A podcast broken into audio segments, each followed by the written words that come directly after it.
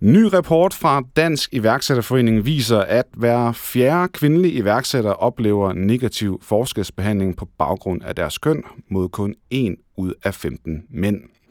Hvad er årsagerne til den her signifikante forskel? Hvad er det egentlig for nogle historier, kvinderne de oplever? Og kan man sige, at forudsætningerne for, at kvinder bliver iværksættere, er ringere end mænds? Det er de overordnede spørgsmål, vi vil dykke ned i i dag. Mit navn er Esben Brandborg Østerby. Velkommen til. Du lytter til iværksætterdebatten. Din vært er Esben Østerby.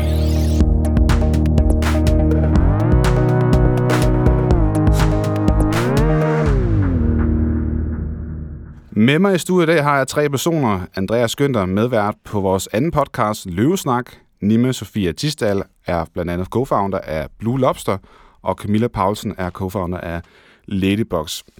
Og lad mig starte med, med dig, Camilla. Fordi øh, forleden, der så vi dig jo på tv for anden gang i øh, Løvens Hule, hvor du og din øh, co-founder Camilla Bilgrav fik 600.000 kroner i investering fra Jesper Buk og Jakob Riesgaard. Tillykke med det, jo. Tusind tak. Og lad mig prøve at spørge lidt kægt. Oplevede I enten den første eller den anden gang, I var derinde og blive negativt forskelsbehandlet i programmet? Ikke på baggrund af vores køn, slet ikke. Øh, det har vi aldrig oplevet inde i programmet, nej. Øh, det generelt har det været en ret god oplevelse at være med i Løvens Hule, og øh, som man nok også kunne se på tv her, hvor vi var med anden gang, der, øh, der er jo sket en ret stor udvikling i vores forretning, og øh, det anerkendt alle fem løver, der sad der, og øh, ja, vi fik jo faktisk rimelig meget ros ind i studiet den her gang. Øhm, og det gjorde vi bestemt ikke sidst, men det var rent øh, forretningsbaseret, at, øh, at det var derfor, vi fik kritik sidste gang. Det havde ikke noget at gøre med, at vi var kvinder eller mænd, eller øhm, noget i den retning. Vi var simpelthen bare for nye og for grønne sidste gang, og det fik vi, øh, der fik vi noget hård kritik med på vejen, og øh, størstedelen af det synes jeg også var berettiget, når jeg ser tilbage på det den dag i dag.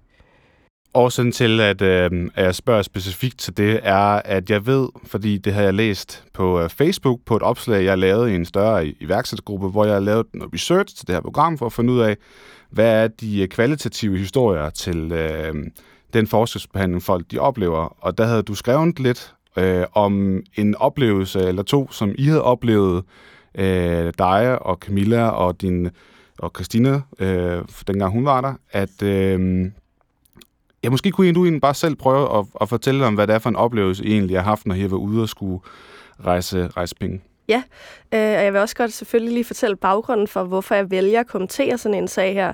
Øhm, fordi når, når jeg læser, at du skriver et opslag, at der er en, øh, der er en stor øh, undersøgelse, der har vist, at en ud af fire kvinder har oplevet at blive forskelsbehandlet, og jeg så læser en kommentartråd, hvor at øh, 80 procent af kommentarerne er fra mænd, Øhm, og der er mange, der stiller spørgsmålstegn ved hele den generelle forståelse af, at det er kvinder, der misforstår ting. Og der er flere kvinder i opslaget, der skriver også, øhm, ja, hvis man læser kommentaren her igennem, så forstår I måske også, hvorfor vi ikke har lyst til at dele vores historier. Og det påvirker mig meget, mm. fordi jeg synes, man skal tale højt om det. For selvfølgelig er det ikke noget, der for eksempel for mig sker hver hver anden dag, men jeg har også oplevet det. Så jeg tænkte, at hvis jeg deler, hvad jeg har oplevet, så må folk selvfølgelig konkludere, hvad de vil. Men for at springe direkte til konklusionen, så synes jeg jo, der er en forskel, og det er fordi, jeg selv har oplevet det.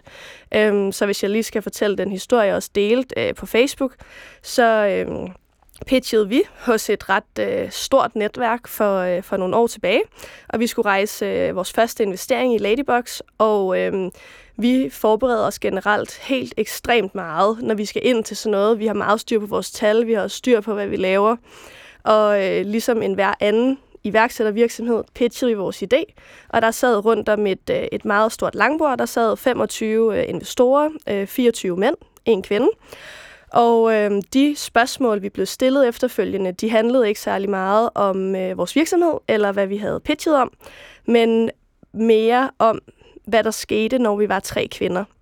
Og øh, for lige at dele nogle af de ting, der blev sagt, så var det blandt andet, om vi tit blev uvenner, når vi var tre kvinder om det ikke var en værre hønsegård, når vi var tre kvinder, øh, om vi skændtes meget. Øh, der var også en, der rakte hånden op og sagde, at øh, hvis jeres forretning ikke bliver til noget, så er det godt, I ser så godt ud. Øhm, sådan nogle her kommentarer fik vi til det her event, øh, og nogen stillede det også alle de her sådan, kommentarer og spørgsmål foran de andre, som om det var fuldstændig normalt.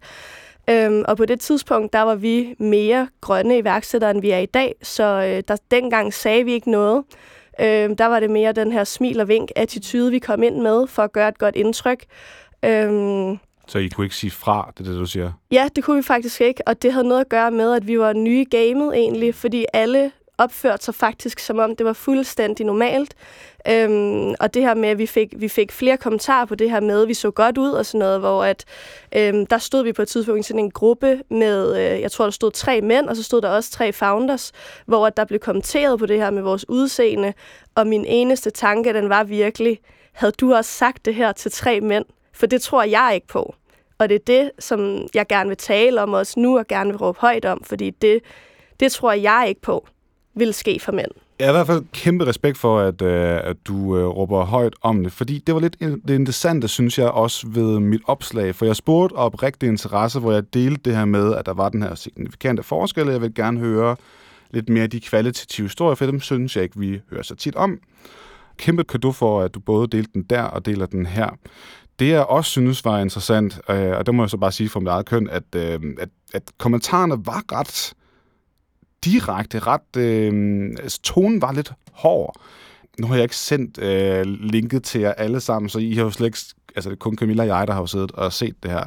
Øh, men jeg er faktisk lidt overrasket over det. Øh, jeg troede, at der ville være en, en lidt mere super tilgang øh, til det, og det, øh, det skal jeg beklage meget jeg tror også, det er derfor, jeg faktisk godt kunne tænke mig at gå ind i det, fordi det, ø- det ødelægger debatten med den her måde, at der er en, unders- en stor undersøgelse, der har vist noget på baggrund af noget, som folk har oplevet.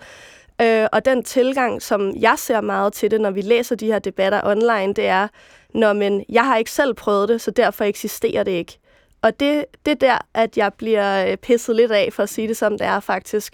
Fordi du kan ikke sige, når der, kommer, når der er så stor en undersøgelse, der viser noget, at fordi du ikke selv har oplevet det, så tror du ikke på det. Det giver simpelthen ikke mening. Det jeg vil sige til det er, at det er derfor, det er vigtigt at få historien ud. Fordi at så kan man sidde og sige, hvad nu hvis, og hvad var det nu for nogle historier osv.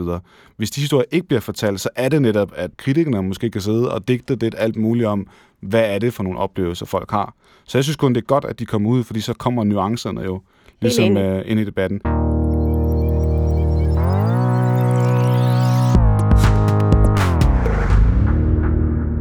En anden, som i øvrigt har oplevet øh, noget lignende, er, øh, er dig, Nima. Og det ved jeg, fordi at øh, jeg så et opslag forleden fra Dansk Industri, som henviste til en artikel, jeg dog desværre ikke lige kunne, øh, kunne finde.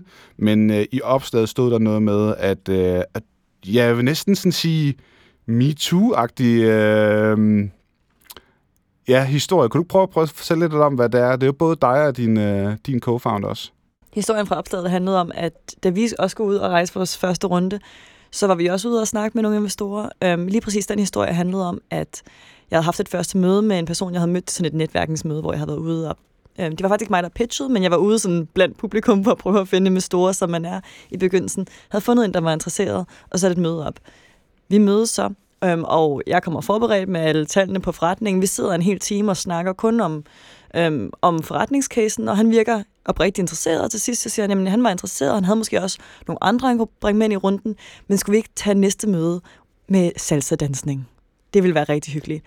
Og jeg tror, ligesom, ligesom du siger, at man, man bliver sådan et paf. Øhm, og jeg tror også, det der med at sige fra, det, det, det er et spændende emne, fordi jeg tror, at når man kommer ind i et nyt miljø, jeg var ny iværksætter, I var ny iværksætter, man ved faktisk ikke, hvad det er, øhm, kulturen er. Man ved ikke, hvad der er acceptabelt. Så, øhm, det, du refererer til her, det er, at du siger i den situation, ja, ja, ja, ja. og Camilla sagde også, eller reagerede heller ikke rigtigt på ja. din den, de kommentarer, der kom, da hun øh, skulle rejse investering. Præcis. Men at efterreflektionen kommer naturligvis på det. Præcis, fordi okay. og man står, og man vil gerne imponere nogen, man vil gerne være søde, man vil gerne have investeringen, man vil ikke, give, man vil ikke virke sur, man vil ikke virke irriteret. Mm. Så, men jeg går selvfølgelig efter og tænker, det der, det skal jeg jo ikke. Øhm, og så, så aflyser jeg bagefter. Men de, sådan nogle situationer havde vi sindssygt mange af, både mig og min medstifter. Og vi talte faktisk på det, og ud af de 10 første personer, vi snakkede om, ikke alle sammen investorer, men folk i økosystemet, i startup-økosystemet.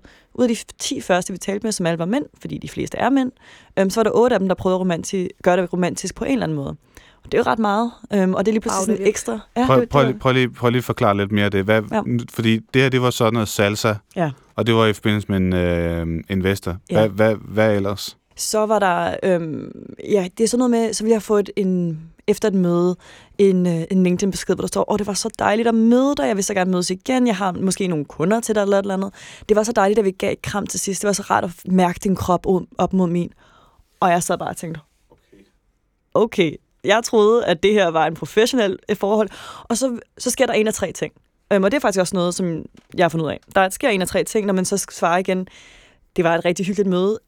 Hvis det er et romantisk øhm, hensydning, du laver der, så er jeg ikke interesseret. Så man bliver nødt til at give afslag.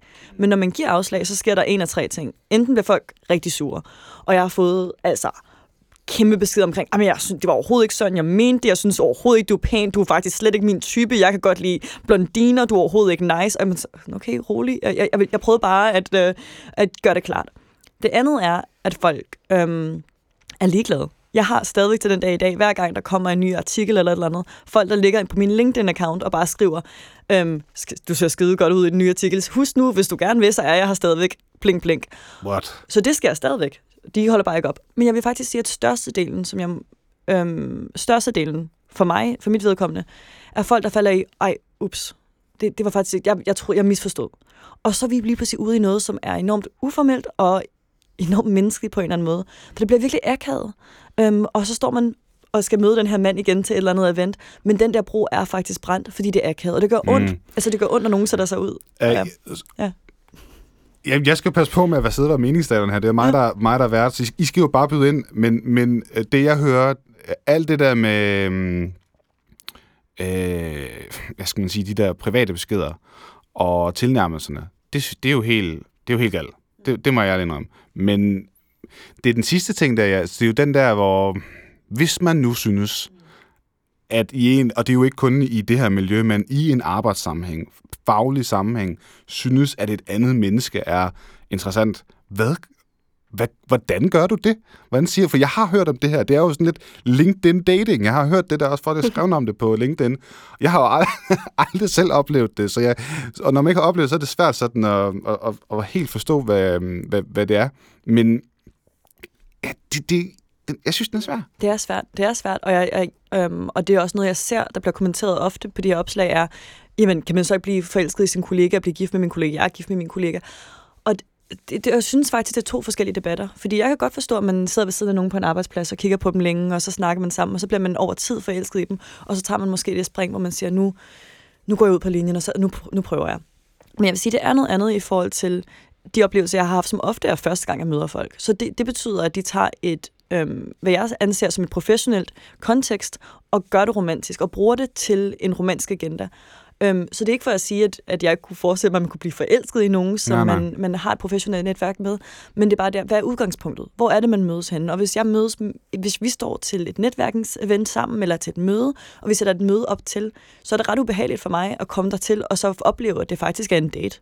Fordi at jeg troede, at vi skulle snakke om forretning. Det er derfor, jeg er der. Det var ubehageligt. Det er ubehageligt. Og noget andet er, når man er tidlig iværksætter, så har man altså tid er ens største ressource. Så for at blive lidt lavpraktisk, så synes jeg også, det var skide irriterende at bruge en time på at sidde, en halv time frem og tilbage i transport, og jeg forbereder mig til det her møde, jeg kommer ind, og så er det en date, og så er jeg sådan, ej, men helt ærligt, jo, du har lige brugt to timer af mit liv, hvor jeg sagtens kunne have siddet og lavet salgsopkald i stedet for.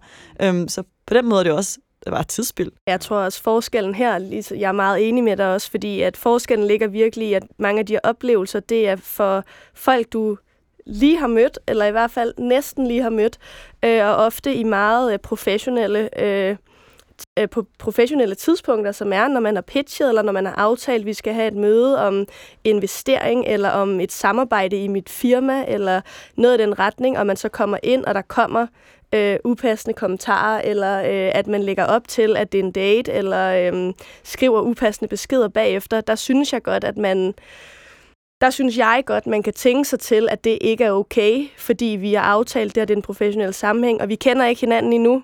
Øhm, så der, der er stor forskel på os netop at sidde ja, øh, ved siden af en på en arbejdsplads øh, og lære hinanden at kende, øh, og så blive forelsket i en, øh, end der er, hvis du står og møder en til et event, og der er en, der siger, øh, for det har jeg prøvet, du har godt nok en lækker røv, Og så sådan, okay. øhm, så fik vi den med også, i hvert fald. Øhm, min virksomhed er Ladybugs. øhm, så, du, du, hvad siger, du, siger du ikke noget tilbage til sådan en person? Øh, der ser jeg fra. Øh, det gør jeg, og det er også fordi, det ikke er så forfærdeligt lang tid siden. Så der sagde jeg at, øh, direkte, at jeg synes, det var rigtig upassende, og jeg synes, personen skulle fjerne sig. Øhm, men det sætter stadigvæk en i en Respekt. rigtig ubehagelig øh, situation, synes jeg at, at stå i den sammenhæng, fordi du står, der står du også og kigger rundt omkring, gud, var der nogen, der hørte det, og, og alle sådan nogle ja, ting. Ja, man vil heller ikke skabe en scene og sådan noget, og, og sætte med personer i hvad hedder sådan noget, forlegenhed og sådan noget. Præcis. Men, ja. Men der tror jeg også bare, det er vigtigt. Altså, nu sidder jeg som mand og lytter til det der, og jeg synes jo, det er super sejt, I deler det. Men og der kan jeg jo også godt være enig i det, jeg siger, og jeg er jo fuldstændig enig med det her. Der er også bare forskel på, en ud af fire kvinder bliver iværksætter, og så en ud af 15. Der kan også være andre ting, der taler for det. Selvfølgelig er de her historier alarmerende, og de skal meldes ud. Men jeg synes jo også, du har lidt en pointe med det, du kommer ind med nu. Første gang får man sagt fra, og, og det er ikke fordi, at vi skal sidde og diskutere, om man skal sige fra eller ej, for det, det er ikke det, der er kernen i det. Det er møghammerne forkert, og det bakker jeg 100% op om. Det er møghammerne forkert. Men det er også bare en, en mand, der går ind, pitch eller går ind til noget, har måske også bare en anden sådan øh, ja, glemt, altså, jeg glemmer dig og sådan nogle ting. Og der, der synes jeg, du også har en pointe, Nima, fordi man kommer ind i det her grønne miljø. Er det virkelig sådan her, det er? Nej, det er det ikke. Er man forberedt på det? Nej, det er man heller ikke. Er det forventningsafstemt, hvad vi skal med den her samtale? Måske nogle gange, måske er det ikke. Og det er det her igen, det her billede. Hvordan, hvad sender vi af signaler, hvad sender vi ikke af signaler? For jeg er jo helt med dig, Esben. Jeg har aldrig nogensinde fået sådan en kommentar fra en kvinde. Øh, du har godt nok en lækker røv, hvis jeg ikke, hvis jeg ikke kender nogen. Og det, og det synes jeg jo er vigtigt i talsæt, for det er problemet. Men er det problem, er det reelt set det problem, der er, at vi ikke har flere iværksættere? Det tror jeg ikke. Men historierne skal blive belyst, så folk, som, som kommer ind som er grønne, skal være forberedt på, hvad er det for et miljø, vi kommer ind i, men hvad er det også for noget, vi kan ændre på? Og der er det jo helt klart at sige fra, fordi ja, der er mænd nogle svin. Ja, altså. ja, lad, lad mig lige prøve at tage noget af det, tage noget af det fordi øh, det, du siger øh, Andreas, er, at øh, at det er noget, man måske, og det hører jeg også lidt jer sige, Nima og Camilla, at det er noget, I oplevede især, nu sagde du så lige, at du lige har oplevet det igen, men, men de to historier med investeringen, det var noget, der skete i starten. Efter I jo har rejst penge, og man kan sige, har opnået noget. Forstår jeg mener, I, nu, nu er I blevet til et navn, og måske endda nogle rollemodeller for andre osv. Er, er tonen så anderledes? Det er den. Okay. Meget anderledes, synes jeg. Øh, det er meget, meget lang tid siden, før nu har jeg haft den her oplevelse sådan for relativt nylig. Øhm, men før det, der er det meget lang tid siden, at jeg har oplevet noget lignende. Øhm, og jeg ved ikke, om det har noget at gøre med, at når du får en investering, så får du lidt en blåstempling af, øh, okay, det var ikke kun et hobbyprojekt, eller øh, de kan faktisk noget. Øhm, og så begynder man at blive taget lidt mere seriøst end første gang. For jeg synes helt klart, at vi havde mange flere oplevelser det første år, end vi har haft de sidste tre år. Der, der tror jeg også, den der blåstemning, som du siger, det er jo forkert, at de her ting skal, skal, skal siges til kvinder og gøres mod kvinder, for at man får en blåstemning. Men det er også lidt den her, tror jeg, øh, kvinder er meget mere omsorgsfulde end mænd. Altså, så jeg tror, at mænd, der får øh, noget, de giver måske ikke et afslag, men de går sådan tilbage, så bliver de sure, så fortsætter det. Det som du også siger med kvinden, der bliver, virkelig øh, bliver ved, og måske har lidt den der følelse af, altså, fuck dig, du skal ikke stå i vejen for mig. Der bliver du nemlig blåstemplet. Men så er det jo igen processen. Hvornår bliver du blåstemplet? Og det er virkelig det, der skal afgøre, om du får, ja, lad os bare være ærlige, klamme beskeder eller klamme ting for, for en mand, øh, fordi at du er ude for at rejse penge. Det må jeg have man forkert. Ja, det er det.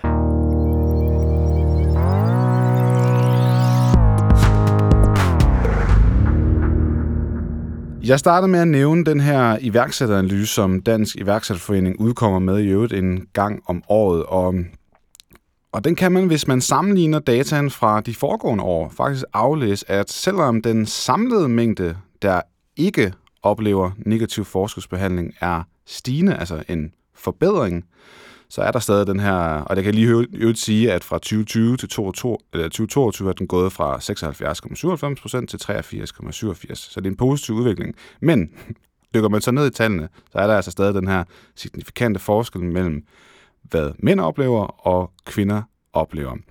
Nu har vi hørt nogle af de, øh, de her kvalitative historier og har fået nogle, nogle tal også lidt på, på, på bordet. Øh, Nima, hvad tror du er årsagen til, at, øh, at forskellen den er så stor? På at folk oplever at blive forskelsbehandlet? At kvinder oplever det i højere grad end mænd? Altså, det, er jo, det er jo et svært spørgsmål. øhm, og hvis jeg havde svaret på, hvordan man fikser det hele, så, øh, så skulle jeg nok op rigtig højt. Men jeg tror jo, at grunden er, at der er flere mænd. Altså, det er en mandsdomineret industri, så hvis folk behandler folk, der ikke er som en selv, lidt anderledes, end, end man vil gøre. Så hvis det er en masse drenge, der hænger ud, så, så er det jo sådan mand-til-mand interaktion, hvor at mand-til-kvinde interaktion måske er lidt anderledes. Øhm, og jeg tror nok, det er der, det ligger. Altså, det er jo nok i tallene i sig selv, at vi er færre kvinder. Det, du siger, det er, at en, en, en løsning på det, det er, at vi skal have flere kvinder der bliver iværksættere? Jeg, jeg tror, at det vil, det vil hjælpe noget. Eller, så, eller økosystemet i sin helhed? Ja, jeg tror, hvis økosystemet havde mere diversitet, så vil vi også opleve øh, mindre forskelsbehandling. Det tror jeg. Men jeg, altså, jeg tror selvfølgelig også, det hjælper at snakke om det. Altså, og det er jo også derfor, at øh, jeg sidder her i dag. Fordi, at, som I siger, jeg tror, der er mange mænd, som ikke ved, hvad der foregår. Jeg vil sige ærligt talt, Dansk Industri lagde det der øh, LinkedIn-opslag omkring salsedansning sidste uge, og der var så mange positive beskeder, altså folk, der skrev og sagde, det her, tænk, at det her sker. En masse mænd, som sådan, øh, skrev og undskyldte på deres køns vegne. Og jeg sad lidt tilbage, bare tilbage og tænkte, ved I ikke, at det her foregår? Hvor, hvor bor vi bare i helt forskellige verdener? Men, det, I, ja. men det er netop det, der er det sine. Ja, præcis. For, fordi vi, vi, har, prøv at høre, vi har hørt de her tal her i mange år, og det hørte man også før Sofie Linde, hun stod på TV2's ule og, og, og havde sin tale. Men det er først, når, de, når I sidder og fortæller de her ting her, at jeg vil, at jeg vil mene, at nu, der kommer nogle nuancer på det. Ja. Fordi at jeg, altså, jeg har ærligt talt ikke hørt om... Øh, jeg, har ikke, jeg har ikke opfattet det som et, et, et generelt problem i hvert fald.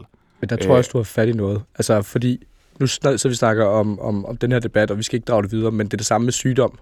Jeg kender aldrig nogen, der er blevet ramt af noget. Og så bliver man lige pludselig ramt, og så kan man forstå det, og man kan se det. Det er jo lidt det samme her. Hvis ikke vi hører de her historier, så, så er det også bare noget, hvor man forestiller sig, det kunne jeg ikke forestille mig. Fordi omvendt også tror, ja, I to, at kvinder er mere bevidste, end mænd er. Vi oplever det mere, fordi man måske snakker med, om, med hinanden om det på en anden måde. Men lige i forhold til, til hele det her med at skulle snak, tale op, jeg tror, det er svært, fordi jeg kan sagtens forstå, hvad I siger. Altså, jeg kan sagtens forstå, at selvfølgelig, hvis man ikke er kvinde, så ved man måske ikke, at kvinder bliver forskelsbehandlet, for man ikke prøver det på egen krop man skal bare huske, at det lægger et ekstra pres på folk som os, øhm, som nu skal stå ud og, og fortælle historierne, fordi man, man rammer rigtig skævt i ligestillingsdebatten i Danmark. Jeg oplever det her som et af de aller værste emner at skulle snakke om. Det er enormt polariserende. Og folk bliver så sure. Folk ja. bliver så sure. Altså, og jeg har været en gender trader, og jeg har været en feminazi, og det er svært at ramme. Altså, det er svært at blive populær på at være del af den her samtale, det synes jeg. Så man eksponerer også virkelig sig selv som enkelt person ved at stå ud og snakke om det. Jeg har sådan en holdning, at hvis der er nogen, der spørger mig om noget, så fortæller jeg dem ærligt, hvad der er sket. Oh. Så, så jeg forsøger altid, altså, og det kan jeg også mærke, at du gør, at komme kom ud og snakke om det. Men, men, det, men man gør sig ekstra sårbar, og når man i virkeligheden bare gerne vil fokusere på at vækste sin egen virksomhed, og jeg arbejder for en klimadagsorden normalt, så er det en kæmpe ekstra hat og en ekstra debat at gå ind i. Um, så det er bare lige en note omkring, hvordan man ligesom kan, kan, kan skabe et miljø, hvor man har lyst til at dele. Jeg tror også, det er rigtig svært, fordi når man så også, ligesom når jeg også læser det her øh, Facebook-opslag, som du skriver, Esben, hvor at øhm, der er rigtig mange, som ikke tror på det, og det tonen bliver meget hård, meget hurtig, og jeg tror som kvinde, og jeg synes, jeg overvejede også et stykke tid, om jeg skulle kommentere på det, fordi overgår jeg faktisk at gå ind i det, fordi jeg vil rigtig gerne, Øhm, men man stiller virkelig også sig selv frem i det, fordi jeg tror, som kvindelige iværksætter, hvor vi er i øh, mega undertal, der vil man gerne gøre det rigtig godt, og man vil gerne være et forbillede for kvinder, og man vil gerne tale højt om de her problemer, sådan at andre kvinder også har lyst til at blive iværksættere. Men kan man hurtigt blive en, der virker som om man tager tingene for nært? For det er noget af det, jeg for eksempel har læst meget i debatter, at når, så kan det godt være kvinder, de er mere nærtagende øh, hvor jeg synes, det er en ærgerlig drejning nogle gange, debatten har, og det er også derfor, det er rigtig svært at stille sig frem i det. Fordi så står man som kvindelig iværksætter og tænker, jeg vil være en, øh, en rollemodel, og jeg vil gøre det godt, og jeg vil virke, jeg er sej, og jeg vil gerne bare vækste min, min virksomhed, og hvis jeg nu siger, at, øh, at en mand har sagt det her til mig, og stiller mig frem og fortæller historien, øh, hvad får jeg så egentlig ud af det? Øh, og det er det, der nogle gange er svært i forhold til, at starte den her debat, fordi på en eller anden måde føles det nogle gange, som om vi kan aldrig rigtig vinde. Øhm, at det er, det er desværre sjældent, at der syner, at der kommer noget rigtig godt ud af det, når man har de her debatter, specielt online. Men det er også på en eller anden måde, at det to, det er ikke to forskellige ting. Der er ligestilling af én ting, det, det anerkender jeg fuldstændig, men så er der også den her forskningsbehandling. Og, og mit spørgsmål før lød på, om, om kvinder er mere bevidste. Det er også bare en tanke. Jeg tror ikke, mænd fanger det. Altså hvis det giver mening. Og det er ikke for at skal, skal forsvare det, fordi det må have man forkert. Men hvis man bare alene tager forskelsbehandlingen, følelsen af den, jeg tror ikke, jeg vil fange, hvis jeg blev forskelsbehandlet. Jeg vil bare tænke, okay, det er jo nok bare sådan der, og så videre. Ligestilling til gengæld er jo, er jo det er i samme sag, men det er også andre ting, for det er jo det, hvad du, det er måske følelser, det er, hvad du oplever. Og der er det de her historier, der er jo måske endnu vigtigere for at stadfæste problematikken. Men det er også bare et fag, hvor man siger, nu øh, for dig, Camilla, du I kom med Ladybug og kom igen. Det synes jeg var mega sejt, inspirerende og fascinerende. Hvor mange kvinder lader sig slå ud af at få, ja, det som I fik at vide første gang og kommer igen. Det er måske det færreste, der gør det, hvor mænd det er sådan lidt, du skal man ikke bestemme, hvad jeg skal. Og så måske fortsætte. Måske gør man ikke, men, men der er måske bare en tendens. Der tror jeg også lige, at jeg vil hoppe ind og sige, altså det, jeg, jeg forstår godt tanken, men jeg tror, at den der tanke, at kvinder lader sig slå ud hurtigere end mænd, den er falsk, når man først kommer ind i de kvinder, der hopper ud i iværksætteri. Så vi har faktisk kigget på det i forhold til sådan risk averseness og hvor, hvor risikovillige øh, folk er. Og man ser, at kvinder, øh, som springer ud i iværksætteri, er lige så risiko, risikovillige, som mænd er. Om det kan oversættes til resiliens, det ved jeg ikke. Så det, det, er, jo en, det er også en svær størrelse. Og jeg kan så godt forstå dig, at du siger, jamen jeg ved ikke, om jeg bliver forskelsbehandlet. Og det tror jeg faktisk også er super spændende, fordi jeg tror, at øhm, rigtig mange gange, når, når kvinder bliver spurgt, eller jeg har i hvert fald oplevet det, når folk sagde, hvordan er du blevet forskelsbehandlet? Så sidder jeg også tilbage med sådan en følelse af, men var det fordi, at personen bare havde en dårlig dag? Var det fordi, de ikke kunne lide min personlighed? Var det fordi, at øhm, var, det noget, var det mit køn, eller var det noget andet?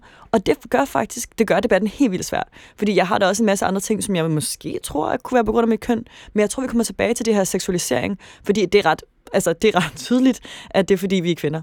Øhm, men jeg synes, det er helt rigtigt sagt, at det er svært at bedømme, når noget er forskelsbehandling og ej. Og jeg tror faktisk, der sker endnu mere forskelsbehandling, som nok ligger i de der kvantitative studier, som vi har, eller jeg i hvert fald har svært ved at sætte ord på i forhold til en anekdote, fordi at jeg selv er usikker på, om det var en kvindeting, eller en Nima-ting, eller en sent på dagen torsdags-ting. Øhm, ja, så jeg kan godt følge dig i den tanke. Og det er mere på den der med, det er måske mere typemæssigt, altså fordi der er kvinder, bedre til at snakke om følelser, er mere sårbare, og, og det er ikke fordi, I så tolker det anderledes, det er ikke det, jeg siger, men så er det bare den der følelse, at man, man bliver ramt af noget, og så reflekterer man. Jeg tror, det er de færreste mænd, der reflekterer. Så slår man hjernen fra, og, og vi skal også videre. Altså, hvor I er bedre til at reflektere. Jeg tror også, at nogle gange så tænker, jeg tror, at kvinder også generelt tænker mere over, bliver jeg forskelsbehandlet, eller er der en forskel for mig, fordi jeg er kvinde? Fordi selvfølgelig har alle hørt om debatten, siden at, øh, ja, nu nævnte du også Sofie Linde, der tror jeg, at det er, sådan, det er meget i folks bevidsthed, det her med, hvordan man bliver behandlet, og forskellen på mænd og kvinder. Øhm, og det er bare... Øh, ja, det vir- det er virkelig, virkelig svært faktisk at gå ind i den debat, for det kan godt være, at, øh, at det også har en betydning for det, fordi man er meget bevidst om, nu går jeg ind i en branche, der er totalt mandsdomineret, øh, eller en verden, der er meget mandsdomineret. Øh, og så kan det også godt være, at man har en tendens til at holde mere øje med det, øh, fordi når det er noget, at mænd oplever i meget, meget mindre grad, så er det heller ikke noget, der også ligger i dit baghoved. For eksempel, hvis du går ind og pitcher, øh, så er det ikke noget, du tænker bagefter. Øhm, og jeg tror også, at tit så kommer den her refleksion netop bagefter, øhm, fordi jeg synes, jeg synes, den her med skændes i meget, fordi kvinder er et vildt godt eksempel. For jeg tror, hvis der var nogen, der havde øh, sagt det til dig, når du havde pitchet, øh, skændes i meget, fordi I mænd, eller råber I meget af hinanden på kontoret, fordi I mænd, eller sådan noget i den retning, øhm, at så havde man måske også i momentet tænkt sådan, nå, det var lidt underligt, men øh, fint nok, og så bagefter tænkt, hov, hvad fileren var det egentlig for noget? Eller at nogen havde sagt, når du står her for at rejse penge, at der så er nogen, der siger til dig, øhm, ved du hvad, jeg tror ikke så meget på din idé, men du ser virkelig godt ud. At så vil du også bagefter tænke, okay, øhm, det havde jo ikke så meget med min virksomhed at gøre, og hvorfor er det nødvendigt at sige det? Øhm, så jeg tror virkelig også meget på, at man skal opleve måske nogle af de her lidt ekstreme eksempler, før man forstår, øh, ja, det at blive forskelsbehandlet. Og det er noget, tror jeg, jeg som kvinder reflekterer mere over, fordi vi ved, at der er en større risiko for, at det sker for os. Det er svært at sætte mænd og kvinder på over en kamp, ikke? Så jeg tror, noget som, øhm, jeg tror, jeg ved ikke, om du har ret i, at, at mænd ikke er lige så nærtagende, men jeg tror, at der er nogle mænd, der er mere eller mindre nærtagende. Så jeg tror, at hvis du kigger på måske nogle grupper, som også kunne opleve at blive forskelsbehandlet som mænd, så vil du måske begynde at opleve mænd, som kan, kan, hvad kan, det hedder, kan anerkende, eller kan, um, hvad det, recognize, som, som kan... Som, genkende. Tak, tak som kan genkende. Hvis, altså hvis du kigger på nogle mænd, som falder under nogle grupper, som måske også kan opleve forskelsbehandling, så kan de også genkende den følelse, som kvinder snakker om. Og det kunne være, at man er fra Sønderjylland, øh, i København, I don't know. Det kunne være, at man ikke kommer fra en akademikerfamilie. Det kunne være, at man har en anden etnisk baggrund. Det kunne være, at man er homoseksuel. Nu nævner jeg bare nogle grupper, som jeg tænker, de kunne måske på en eller anden måde godt opleve, at de bliver forskelsbehandlet, eller føler sig anderledes. Og jeg tror, hvis man er en mand, som falder ind i den sådan, stereotype, øhm, som på alle andre parametre også ligner den almene gruppe af, af folk i værksætteriet, så kan jeg godt forstå, at det er rigtig svært. Men jeg tror også, der er masser af mænd derude, som øhm, godt kan relatere til følelserne, øhm, og måske falder ind i nogle af de andre grupper. Det kan godt være, man, har, man føler, at man kommer ind i akademikerværelser hele tiden, hvor alle har læst på CBS, eller alle har en eller anden, og kommer ind og føler sådan, ah, bliver jeg behandlet lidt anderledes? Taler folk anderledes til mig? Og begynder jeg at føle udenfor i nogle kontekster. Man kobler den af. Og der tror jeg, at der er masser af mænd, som godt kan relatere til den følelse, på grund af en anden gruppe, de hænger sammen med. Og det er jeg fuldstændig enig med dig i. Jeg er selv opvokset for ja, lort, vil jeg selv sige. Ikke, ikke min mor, men, men i, i en ghetto-lignende tilstand, øh, hvor jeg selv har formået at realisere rigtig mange drømme. Og jeg føler mig også mere sårbar, tror jeg, end den gennemsnitlige mand. Så det anerkender jeg også. Og det er derfor, man også skal altså, dele de to ting op, fordi er det så, fordi der er færre kvinder i iværksætteri? Af hvilken årsag? Er det på grund af ligestilling? Eller er det så måske af type? Ikke fordi jeg mener, at kvinder ikke passer ind i det, for det, det synes jeg, jeg synes meget inspirerende, og jeg har nogle, altså, der er nogle fede ting, man kan nævne. Men det er også bare, når man vender, hvis man tager drejningen til andre brancher, så er der bare nogle fag, hvor det er mere kvindepræget, mere mandepræget, men er det generelt køn, der er tale om, eller er det så typer? Fordi det er også lige så meget, der er mange grupper, ja, men der er også mange forskellige typer, og de forskellige typer kan jo passe i de forskellige grupper. Jeg tror også, der er noget med typer, selvfølgelig er der det. Men der tror jeg, vi kan se, at vi kigger på danske kvinder, så kan vi se, at danske kvinder, som uden for iværksætteri har lige så mange drømme om at blive iværksætter som mænd, og så kan vi se, at Danmark klarer sig virkelig dårligt i forhold til andre lande. Så altså, det kan sagtens være, at vi ikke kommer op på en 50-50, men, eller det, ja, det er engang... Altså på, på, tænker du her på diversiteten mellem mange mænd og kvinder, der bliver iværksættere? Lige præcis, ja. Okay. Men, og der, men der er også et problem med, at der, der er slet ikke nok, der bliver det ja, i det hele taget. Præcis, ja. Men ja, det er det, jeg mener. Så, altså, jeg tror, at det, du spørger lidt ind til også er, er der nogle typer, som, som springer ud i det her og bliver iværksættere mm. og bliver ved med iværksætteriet og holder ud? Um, og der vil jeg sige, at det kan godt være, at det ikke ligner noget med, hvor der er præcis 50% mænd og 50% kvinder, men jeg tror, vi har øh, jeg tror, vi har mere potentiale, fordi vi klarer os værre end de andre lande, og jeg tænker, at kvinder i Danmark versus Sverige versus Frankrig ikke er så forskellige. Jeg skal lige spørge om noget om ja. det der risikovildhed, som du snakkede om tidligere. Du nævnte, at, øh, at undersøgelser har vist, og det er ikke fordi, du skal fortælle, hvad undersøgelsen, hvad for en det var her, sådan noget. jeg er bare lidt nysgerrig på det. Noget med, at, øh, at, mænd og kvinder, at de mænd og kvinder, som bliver iværksættere, er lige risikovillige. Var, var det sådan? Okay. Og den køber jeg. Enig. Det, den køber jeg også, altså, fordi det, det skal du være som iværksætter. Men, men spørgsmålet er, om mænd og kvinder som køn er lige risikovillige. Det tror jeg ikke. Det tror jeg ikke. Og det, og det ved jeg heller ikke, om de er. Øhm, det har jeg ikke nogen studier på. Men man kan bare se, at Danmark i forhold til andre lande klarer sig værre i forhold til at få flere kvinder ind.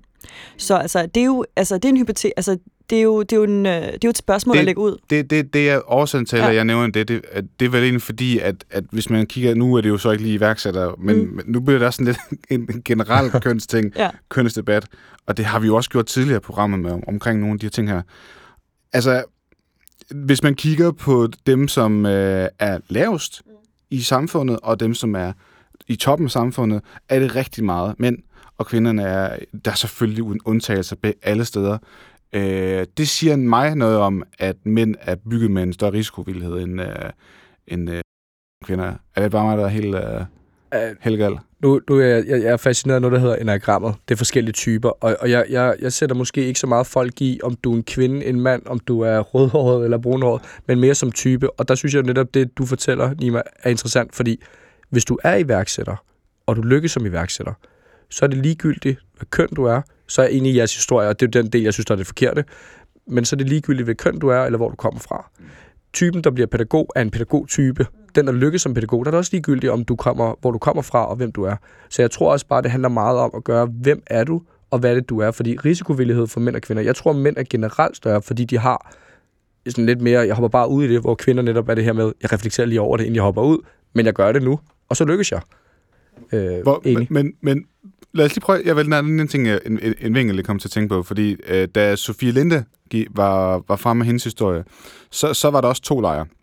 Øh, der, var dem, der var de fleste, som var enige, at det var en forfærdelig historie, men øh, der kom også alle mulige andre historier frem, og i hele den MeToo øh, hvad skal man sige, skala af ting, som er, er forkerte. Øh, Der er stor forskel på, øh, hvad skal man sige, øh, overgreb og, og, og tilnærmelser, for eksempel. Øh, og det blev sådan kastet ind i en stor pulje. Øh, men jeg tror, en af kritikpunkterne på, på, omkring det var, at medierne også kørte med på den bølge der. De kunne godt se, at det her det er en polariserende debat. Vi mødes ikke et eller andet sted og kan blive enige om nuancerne osv. Det er meget bare i øst og vest, og det var det, vi totalt oplevede på den Facebook-gruppe, Camilla. Ja. at, at, at, øh, at, at der var ikke mange, der mødtes, øh, hvilket var en enorm skam i øvrigt. Øh, jeg ved ikke lige, hvor jeg vil hen med det egentlig. Øh,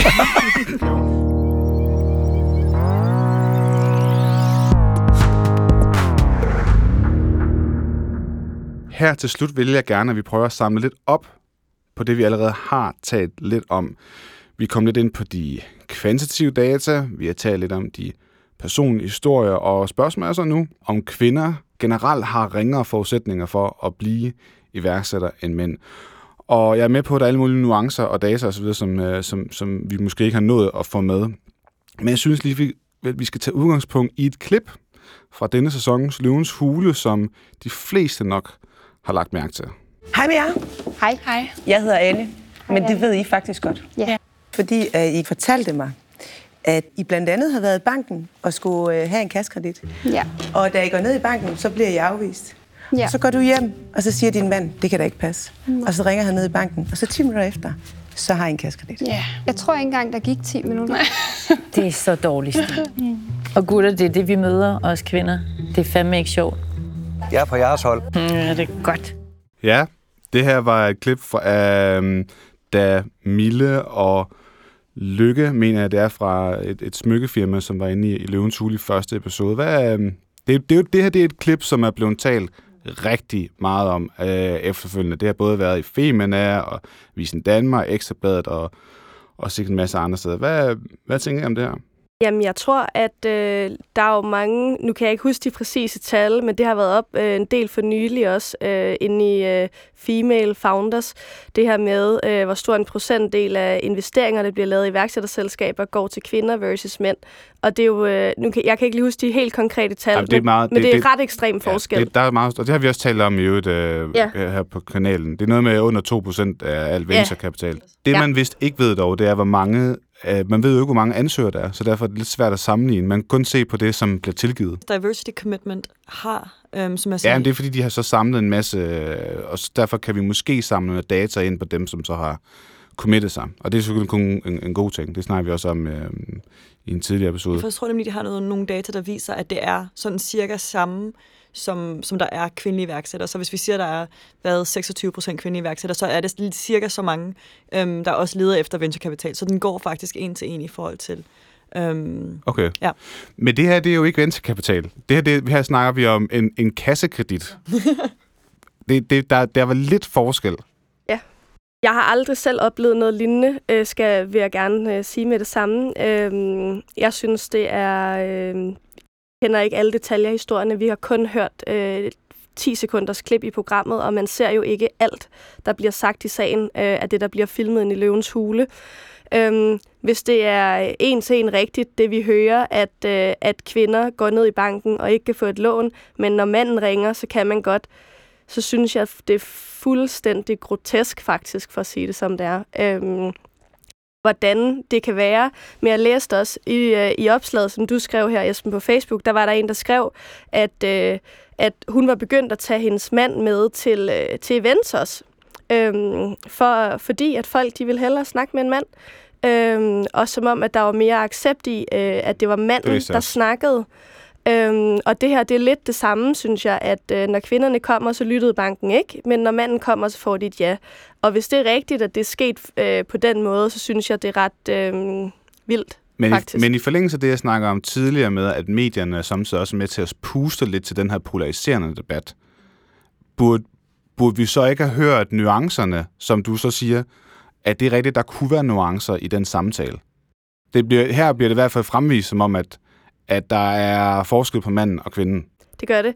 Og jeg tror, at det er svært at konkludere lige præcis på den her specifikke sag, fordi vi kender ikke detaljerne i den. Der kan vi jo kun udtale os om, at hvis det her det er det, der sker, så tror jeg, at de fleste er ret enige om, at det er meget, meget forkert. Øhm, så det kunne være spændende at høre øh, nuancerne af det, fordi øh, jeg kender dem i hvert fald ikke, øh, lige den her historie, og jeg har heller ikke selv prøvet øh, det på den måde før.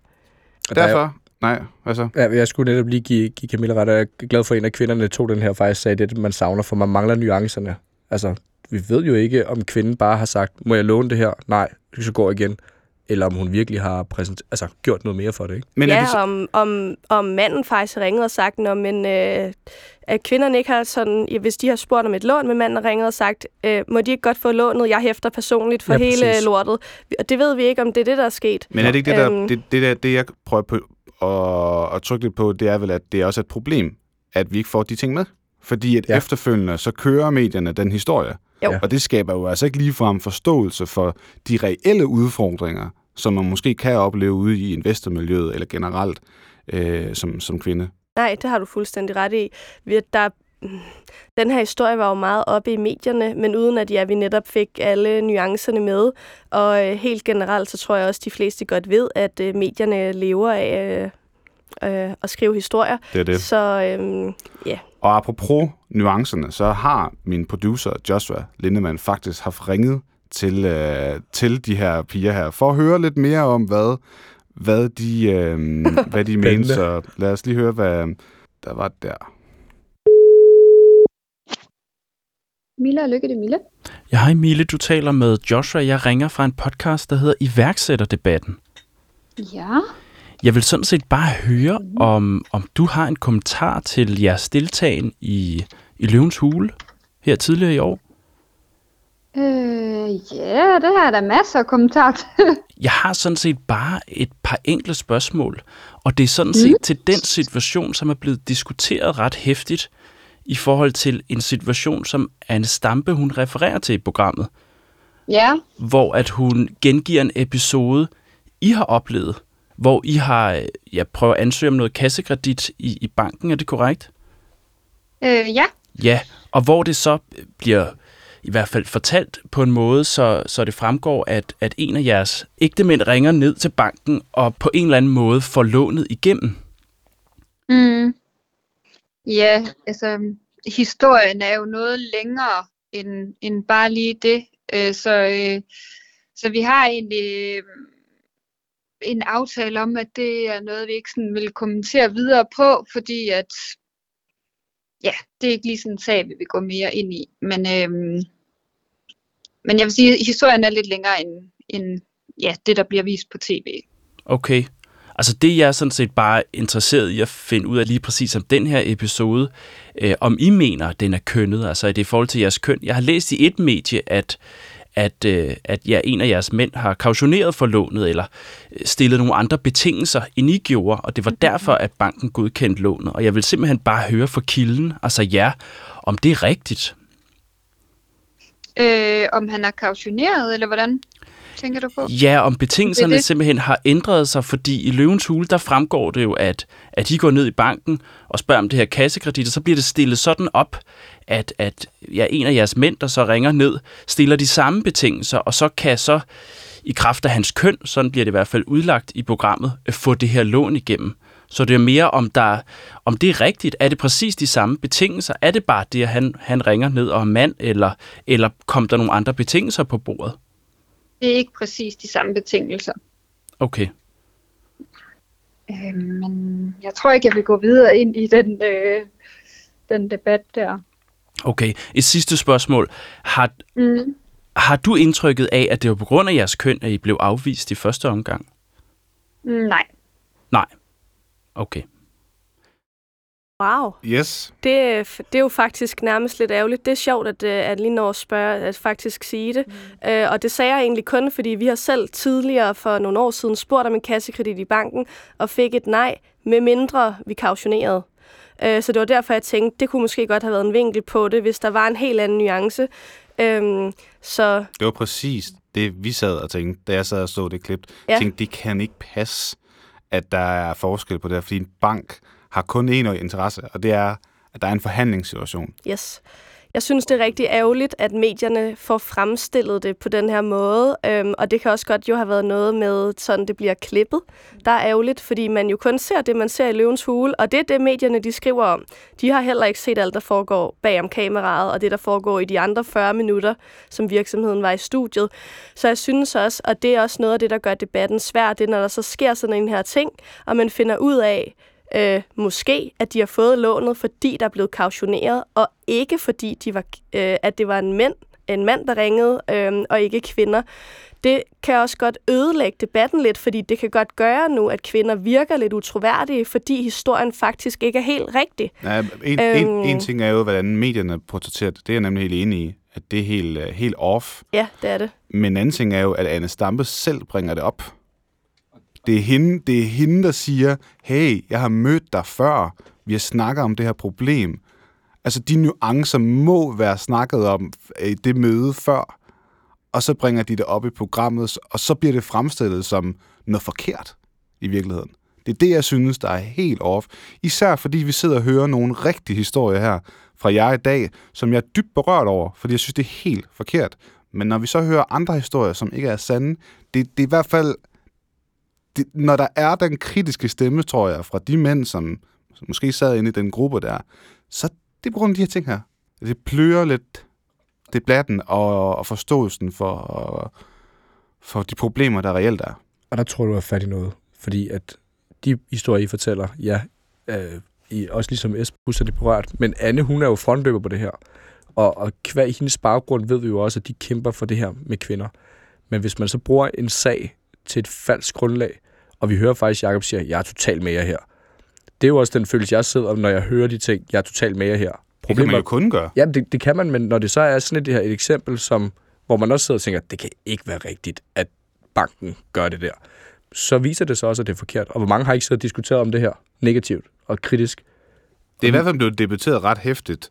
Altså, som jeg nu nævnte, bare nogle af de medier, som, som har delt det her, uden i øvrigt at taget og ringet og lavet et kritisk, vi er jo i øvrigt ikke journalistisk uddannet eller noget som helst, vi har bare øh, haft et, et spørgsmål, vi vil stille, og så har man ikke gjort det, men man har alligevel delt historien.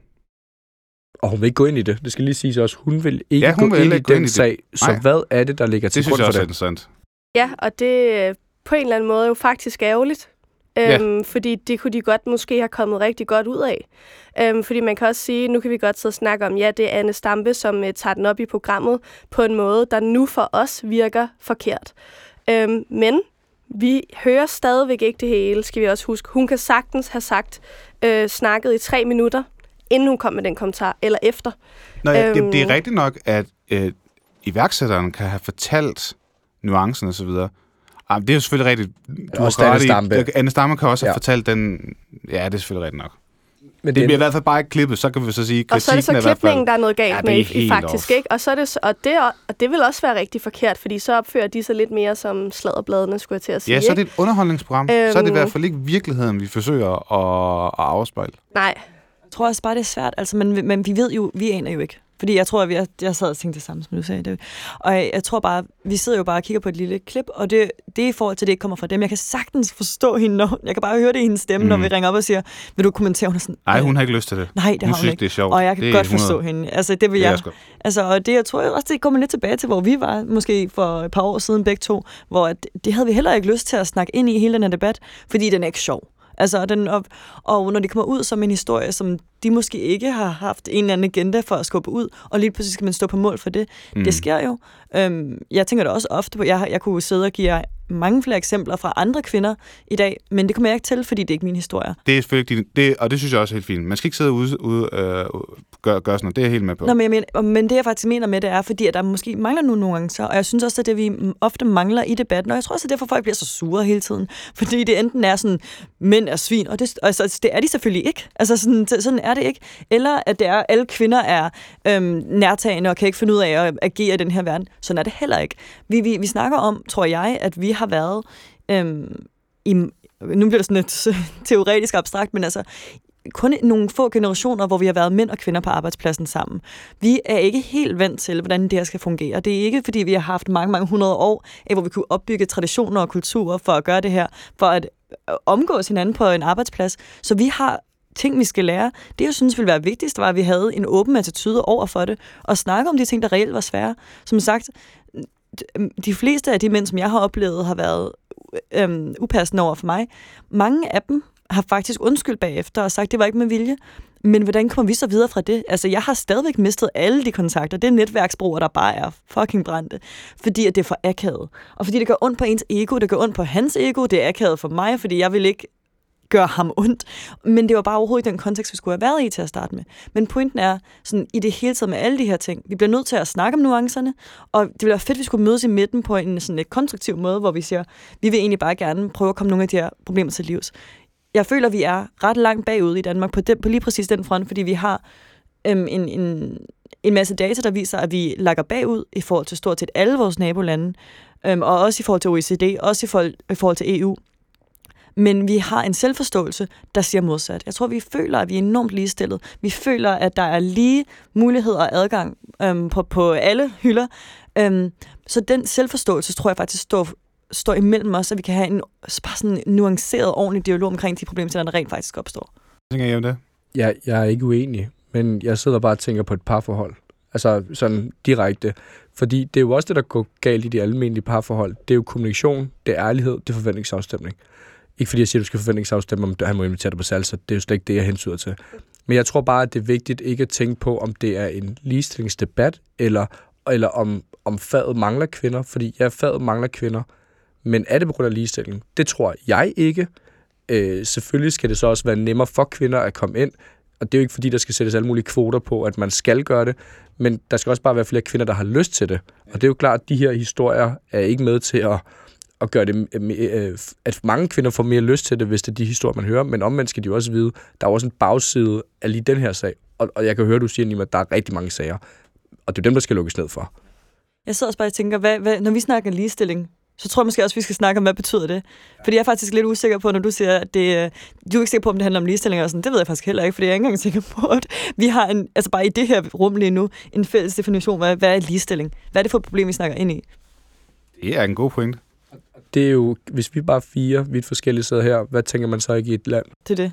Og det er det, der er problemet. Det er, at man bruger det for ofte, og, og kalder det et, et, et kønsbetinget spørgsmål. Og jeg synes jo, din uh, tanke hurtigt, Camilla, også med, med Mila Lykke, der kan også være der nogle andre ting. Ja, og det er det, vi mangler i rigtig mange sager, det er, at vi hører ikke det hele.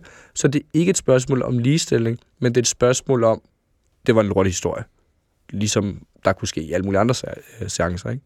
Jeg tror også generelt, vi kan komme langt med at være mere åbne i debatten og lytte mere til hinanden. Jeg synes, der er mange flere, der skal lytte til de historier, der bliver fortalt, når de så bliver fortalt.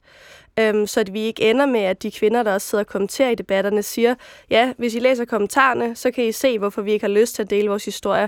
Hvor er det ærgerligt, vi er kommet dertil, fordi vi vil gerne høre historierne, øhm, men det kræver også, synes jeg, at hvis man har lyst til at gå ind i den her debat, at så skal man være åbne og lytte mere til hinanden, end hvad det virker til, man har gjort indtil nu øhm, og ligesom acceptere, at nogen har oplevet nogle ting, som jeg ikke har, og den anden vej rundt.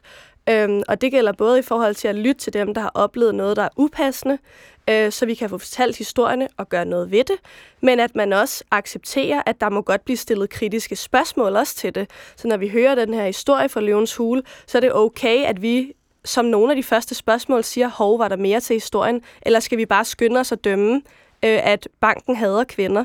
Fordi sådan er det oftest ikke. Det er jo ikke så sort og hvidt altid, som det fremgår lige her, for det gør det i Løvens Hule i det her afsnit. Og sådan er virkeligheden jo meget sjældent. Øhm, så det vil være rigtig fedt med mere åbenhed og mere lytning til, hvad hinanden har at sige, øhm, så man kan starte en bedre debat om det, og at man ikke fra starten dømmer hinanden på den første headline eller den første historie, der kommer ud, øhm, så mere sådan accept af alles holdninger også, og det gælder også for dem, der har oplevet noget dårligt, øhm, at man også accepterer, at der er nogen, der de fleste jo, de har ikke oplevet det. Så selvfølgelig er de kritiske. Det giver totalt god mening. Øhm, men så længe, at de stiller spørgsmål på en åben måde, og så kan man så få lov at forklare sig bagefter. Man skal være nødt til at være lidt nysgerrig. Ja, præcis, yes. fordi det er, helt, det er helt fair at være nysgerrig, og det synes jeg nok, det er det, der er vejen frem. At man netop man accepterer, at nu fortæller jeg noget, som de fleste ikke har prøvet. Så accepterer jeg også, at der kommer måske 10 spørgsmål, og det synes jeg måske virker træls, fordi hvorfor kan I ikke forstå det? Men selvfølgelig kan I ikke forstå det, fordi I ikke har prøvet det. Øhm, så, og derfor må man heller ikke blive sur, når man så skal fortælle sine historier. Og på samme måde skal den, der stiller spørgsmålene, også huske øh, at acceptere, at den anden har oplevet noget nu, der er ubehageligt. Nu giver jeg hende eller ham plads til at fortælle det, og så får jeg lov at stille mine spørgsmål bagefter. Men jeg tror også, jeg, jeg er totalt enig i, øhm, at det er det, der er tilgangen. Og jeg vil bare i forhold til, hvad vi talte om tidligere, påpege, at det her jo også er del af, hvad der det er jo ikke bare lige, at folk skal komme ud og fortælle deres historier, fordi man skal stå på mål bagefter. Og det er også Ja. det, som, så altså, det er en ekstra, altså det der skulle så repræsentere problemet, det bliver en ekstra ting oven på ryggen på, på kvindelige iværksættere. Nu skal vi også stå frem, og vi skal snakke om det, og vi skal være lydhør, og vi skal tage, tage snakke med alt muligt, som overhovedet ikke kan spejle sig i vores oplevelser, som ikke måske helt tror på dem. Og som du siger, de er jo fair nok, de har ikke oplevet det, så man skal stå på mål for det. Men, det, man, det, skal, det skal, man, skal, man, skal, man skal være velovervejet omkring det. det. Det er jeg enig i. Men, men så kan man også se, at i forhold til jer, jeres efterspørgsel efter, at flere står, sælger frem, så også prøve at sætte jer i den situation. 100. Altså, at, at det er det, man skal... Det er ikke, det er ikke nemt. Ja, og hvis Det- det er ud over, at man skal drive en virksomhed ved siden Ja, ja. af, som det Enig. skal klare sig godt. Helt, helt enig. Det er også kun derfor, jeg har mega respekt for, at, at, I, øh, at I tør. Jeg vil jo øvrigt sige, at øh, på, på den anden side, os der jo ikke har oplevet den her negative forskelsbehandling, det at tale om det, er heller ikke nemt. Fordi at det er, det er en polariserende debat, og øh, man kan hurtigt blive skudt i skoene, at man mener noget, man egentlig ikke mener. Øh, vi smiler lidt til hinanden nu, og det, det, det, Ja. det er heller ikke sjovt. Det Men nu, nu skal jeg ikke sidde og sige, at vi har det sværere, fordi at det er jer, der oplever de her historier her. Men jeg tror, det er godt nok, du siger det alligevel, fordi ja. vi, har, vi har brug for begge dele. Øhm, fordi når at, øh, at du skal heller ikke, du må godt stille spørgsmål jo, når du ikke har prøvet det. Øh, fordi du er nysgerrig, og du vil gerne høre, ligesom du siger, nu kan jeg se, der er lavet den her undersøgelse, der har de her kvantitative data. Men jeg ved faktisk ikke helt, hvad det går ud på, så er der nogen, der har lyst til at dele det med mig, så spørger du også på en meget åben og forstående måde og accepterer en undersøgelse har vist det her. Er der nogen, der vil hjælpe mig med at give mig mere indblik i det? Så spørger man også på en pæn og ordentlig måde, og så kan man også få nogle ordentlige svar tilbage. Jeg vil jo sige, at analysen, har jeg ikke lige tallene øh, foran mig, men analysen går også ned i, hvad man så kunne gøre. Man spørger, hvad, hvad skal der til, om det er rollemodeller eller bedre barselsvilkår, og alle, der er alle det kan man dykke ned i, hvis man gerne vil, øh, vil forstå det. Lad os lige prøve at få rundet af, fordi spørgsmålet var jo egentlig, nu bliver det også lidt en anden debat, det ved jeg Mm. også, og jeg ved også, der kom det klip her, og så videre, jeg ved det. Men øhm, har mænd og kvinder samme forudsætninger? Og hvis ikke, hvad er forskellen så? Jeg vil sige, ja, det har de. Faktisk bare det.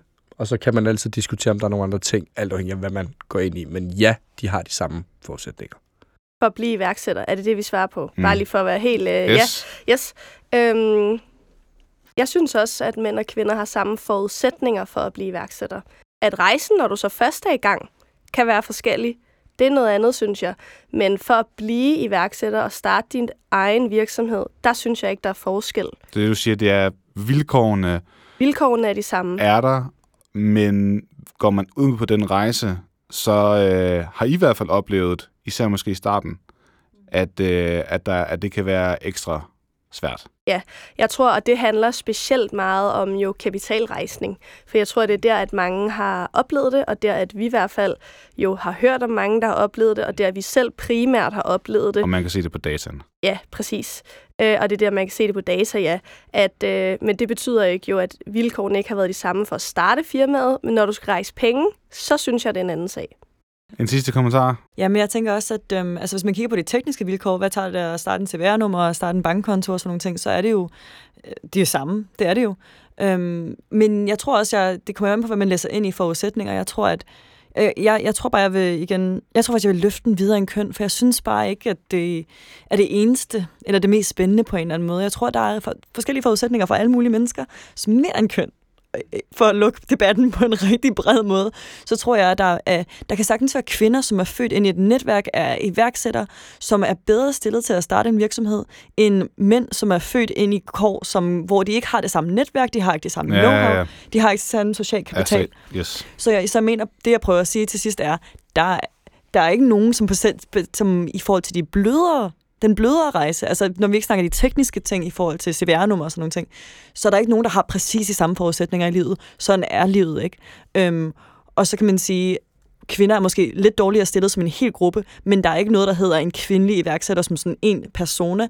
Det er, det er meget mere nuanceret end det, øhm, og der er mange andre vilkår, der falder ind under, øhm, inklusiv din opvækst, inklusiv hvem dine forældre er, Ja, jamen, det er rigtigt. alt sådan noget. Ja, lige præcis, for der er noget med gener også, og så videre. Øh, hvad, hvad du kommer med i dit øh, DNA jo. Jamen, det er der jo. Du griner, men det er der jo. Du, der er jo nogle ting, du ikke har selv, selv har, altså, har, er herre over. Ja. Ja. Og, og no, der er nogen, øh, og så er der nogen, ja, noget opdragelse, og noget, øh, ja, om ens forældre har, hvordan de har været. Så der er mange ting i, øh, i den. Har du en sidste kommentar? Jeg er fuldstændig enig i, hvad Nima åbner op for til sidst. Det er, det er meget mere end køn. Øh, meget, meget mere end køn. Så konklusionen er egentlig, at den her debat har en masse nuancer, og det har vi forsøgt at, at komme omkring her, og lad det være de sidste ord. Tusind tak for, at, øh, at I kom. Tusind tak for lytterne til at lytte, øh, lytte med. I studiet var Camilla Pausen fra Ladybox, Nima, Sofia Tisdal fra Blue Lobster og Andreas Günther fra, øhm, fra medvært på, på Løvesnak. Mit navn er Esben Østerby. På gensyn.